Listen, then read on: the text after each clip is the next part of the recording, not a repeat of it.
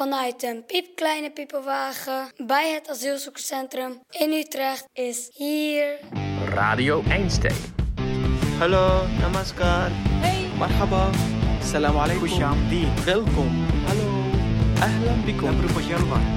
Hallo. Bakhair. Hallo, salam alaikum. Hoi. Ja, Bagheer Ragli.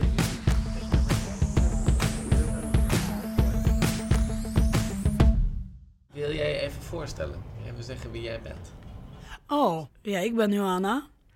Ik uh, Nederlander, bijna 12 jaar. Lief. Uh, lief. Nou, dit is mijn situatie. Dit is Johanna, 42 jaar, uit Polen. Ze woont al jaren in Utrecht, maar in 2015 woonde en werkte ze in Rotterdam. In Rotterdam. Hij werkt daar. Johanna spreekt een mengeling van Nederlands en Engels. En ze is niet altijd even goed te verstaan. Ik zal je een beetje helpen om zo nu en dan te vertalen wat ik denk dat ze zegt. Gelukkig werkte ze in die periode in een Poolse winkel. Polswinkel. Ja. En de, E- Pools eten. ja, ja. Eten, uh, alles. Ze doet haar werk graag en werkt hard en grondig. Maar dan, op een dag na sluitingstijd, is ze de vloer aan het dweilen en ze glijdt uit. Met vloer is water. Ja, I don't see water. En it broke my leg. Dus je, je brak je been. Ja. Johanna wordt afgevoerd naar het ziekenhuis en geopereerd. Ja, one, one jaar geen werken. Moeilijk. In de krukkie. Met krukken. Ja. Van haar werkgever hoort ze van de ene op de andere dag niets meer. Niet helpen voor mij. Niet Niks. Alleen eh, ambulance, ja. Maar geen papiertje met werken. En weg. Ontslagen. Yes. Zodra duidelijk wordt hoe lang ze uit de running is, wordt ze direct ontslagen. Een dieptepunt voor Johanna. Zonder werk maakt ze ineens geen aanspraak meer op een huis. En dus belandt ze letterlijk op straat. Ze weet nog goed hoe ze op een avond in oktober door het park loopt op zoek naar een stille plek. In de grote park. I don't uh, know name this park. But it's in Rotterdam. Ze vindt een donker hoekje waar ze een tent op zet. En in die tent probeert ze die nacht in slaap te komen. First time uh, voor de, de straat. Een vrouw. For my danger, you know. All night I cry. Dit is Radio Einstein. Je luistert naar de korte serie Thuisloos in Utrecht. Over een leven op straat en de dagelijkse strijd met en tegen het systeem. Dit is de derde en laatste aflevering van de serie. Het verhaal van Johanna.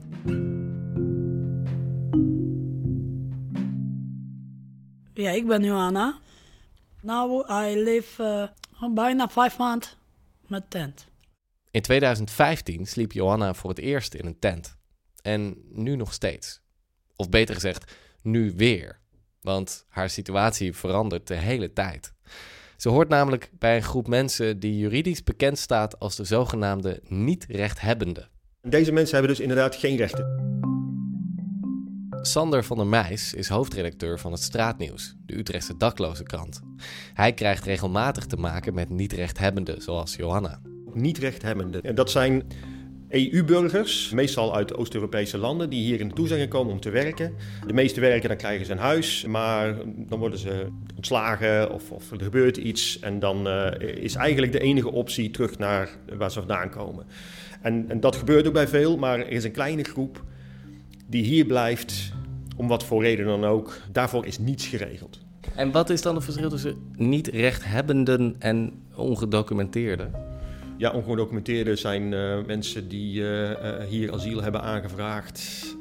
En ja, ze hebben geen paspoort. Ja, dat is het. De, de, de niet-rechthebbenden hebben wel, meestal wel een paspoort. Bij ongedocumenteerden, of in ieder geval asielzoekers, et cetera, is er nog wel, zijn er nog mensen die daar uh, zorgen. Maar bij Polen, je hebt dus die hele grote groep die hier werkt en degene die terug moeten. Daar is alles op gericht. Je moet terug. En dus wil je, wil je die mensen niet hier houden door er iets voor te regelen. De mensen, Nederlandse mensen, niet helpen met Poolse mensen. Het is altijd een probleem.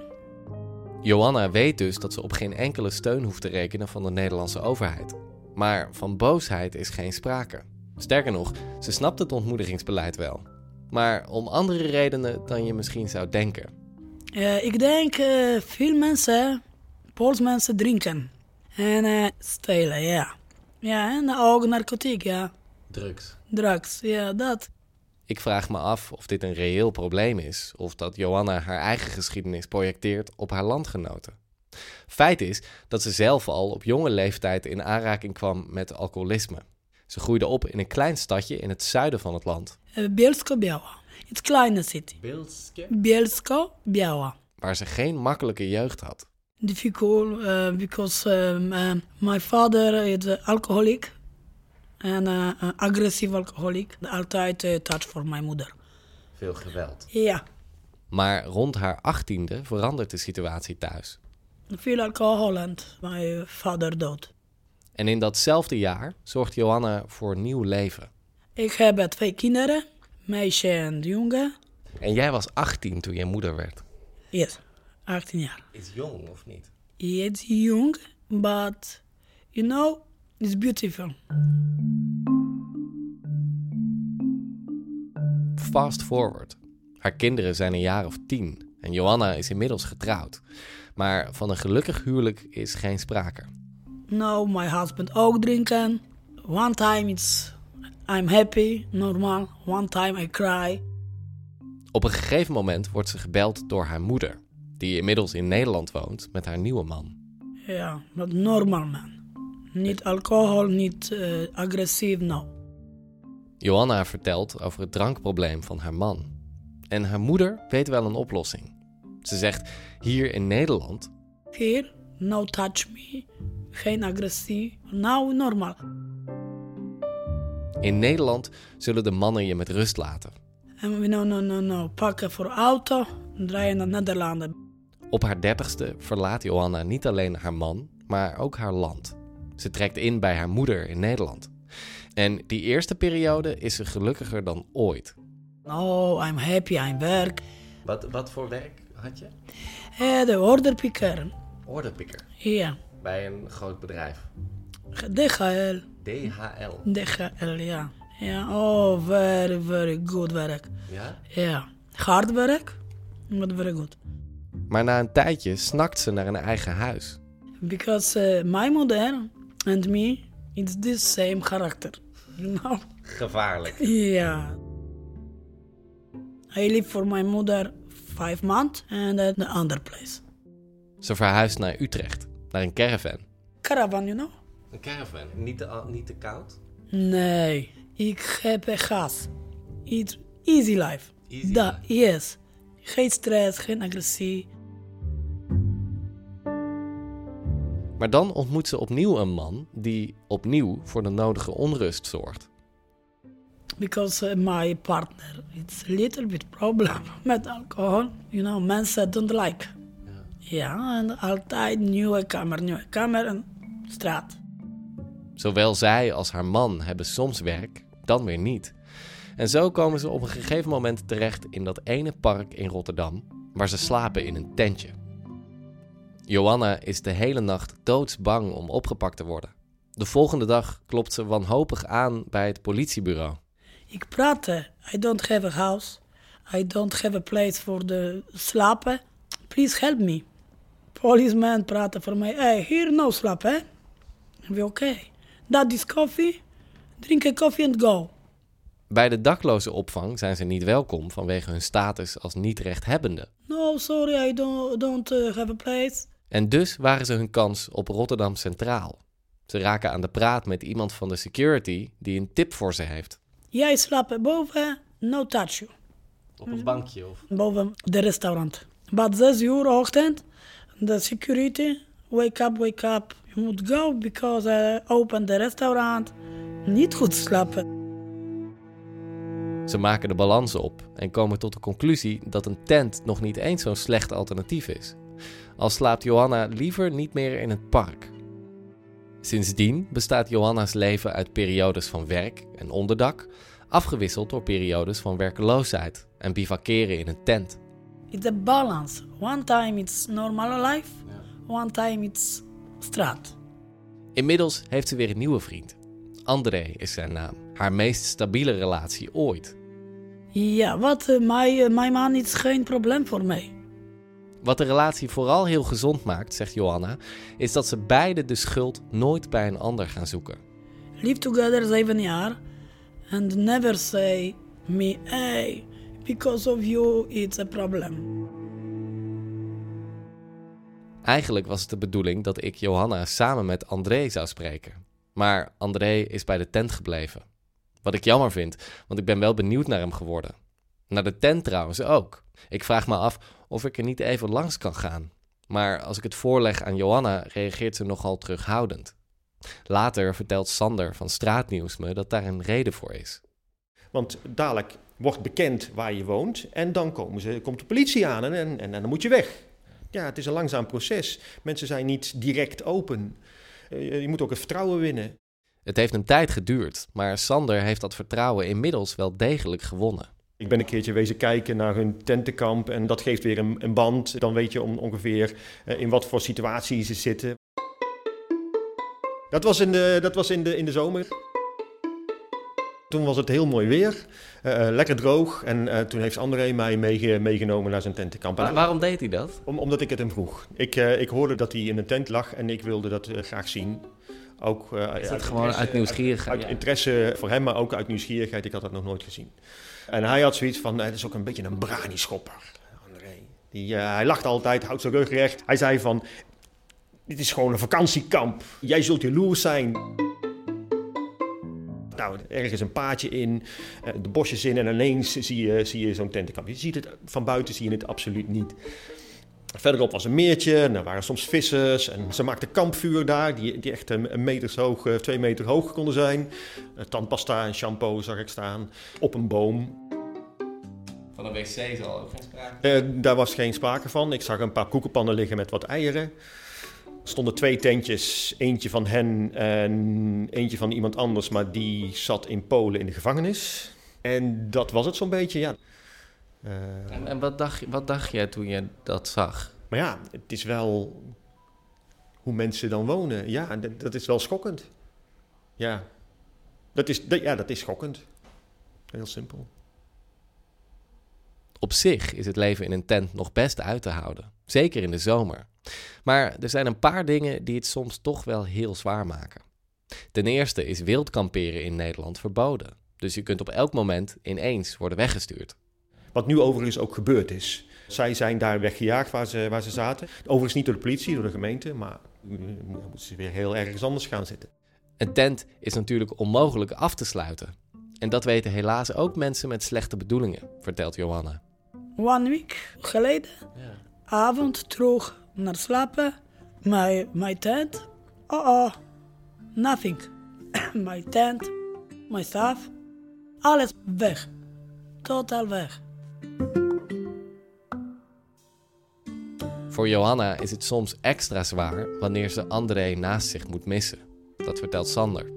Ja, daar weten we niet de hele, het fijne van, maar die heeft, eh, die- heeft wel in de gevangenis gezeten. Dat, dat noemt hij dan, eh, daar, is hij zelf eh, heel, heel open in. Dat noemt hij Poolse vakantie. Polish, vacation. En dan, doet hij, dan kruist hij zijn handen. Eh, Soms eh, gebeurt het in Polen, andere keren in Nederland. Dan wordt hij even opgepakt. En dan zit inderdaad Johanna zit alleen in die tent. Ja, dat is moeilijk. Een vrouw, eh, vrouw alleen ergens in de bosjes. Dan, dan doet ze ook geen oog dicht natuurlijk. Slaapt heel licht. En dan begon het ook nog te regenen. Ze lag twee weken op een gegeven moment daar alleen. En dat is niet zo fijn. En dan is er nog de grootste uitdaging van het leven in een tent. De winter. Deze mensen, er wordt pas een opvang voor geregeld als het echt vriest. Als het onder nul komt, dan komt de koudweerregeling. Maar als het 2 graden is en het regent, dat is echt verschrikkelijk koud. Dat is echt nog erger dan als het eh, eh, 5 graden vriest bij droog weer. Daar kun je redelijk op kleden, dan is het niet vochtig. Dat is nog wel redelijk te doen. Maar een paar graden boven nul en regen, dat is echt verschrikkelijk in zo'n tent. En dat komt eraan.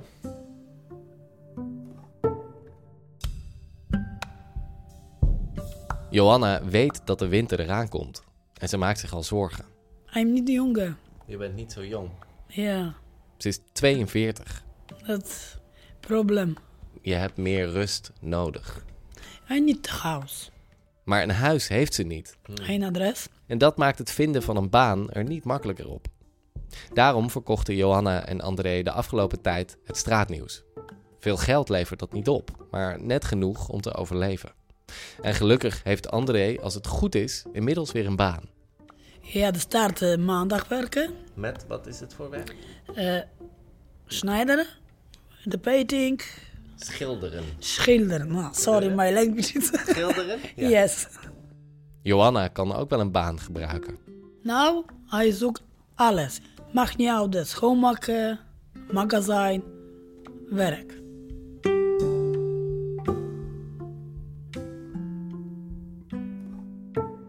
Ze mag dan veel hebben om naar te verlangen.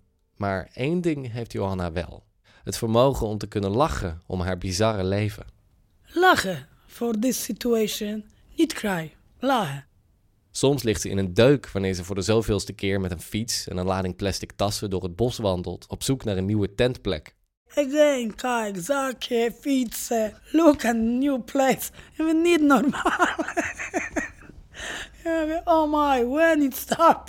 I see this situation. Zakken, fietsen, draai, lopen again, tent. That is life for the straat. But I'm lucky because I have a tent. Veel mensen don't have a tent. Het is maar een goedkope tent van de Action. It's niet duur. Nee, Nee, ik denk 12 euro. dat is niks. Is niks. But for me it's better. I go to slapen, niet regen. Ja. Ja, you know, elke dag. Nobody kill me. Every day I thank you for the God. Because I live.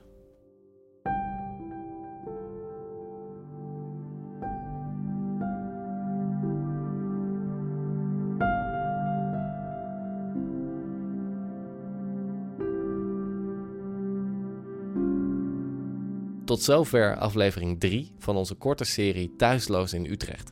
Over een leven op straat en de dagelijkse strijd met en tegen het systeem. Met dank aan Sander van der Meijs van Straatnieuws en natuurlijk Johanna. Radio Einstein is een initiatief van Stut Theater en wordt mede mogelijk gemaakt door de gemeente Utrecht en Plan Einstein. Radio Einstein wordt gemaakt door mij, Misha Kolen, Rian Evers, Mariska Minne, Ineke Buis en Lilian Vis-Dieperink. Voor meer informatie over deze podcast en andere afleveringen, zoals de serie Het Cadeau, ga naar radioeinstein.nl. Voor meer informatie over straatnieuws, kijk op straatnieuws.nl. Dit was het. Dank voor het luisteren en hou dit kanaal in de gaten, want misschien verschijnt er volgende week wel een bonusaflevering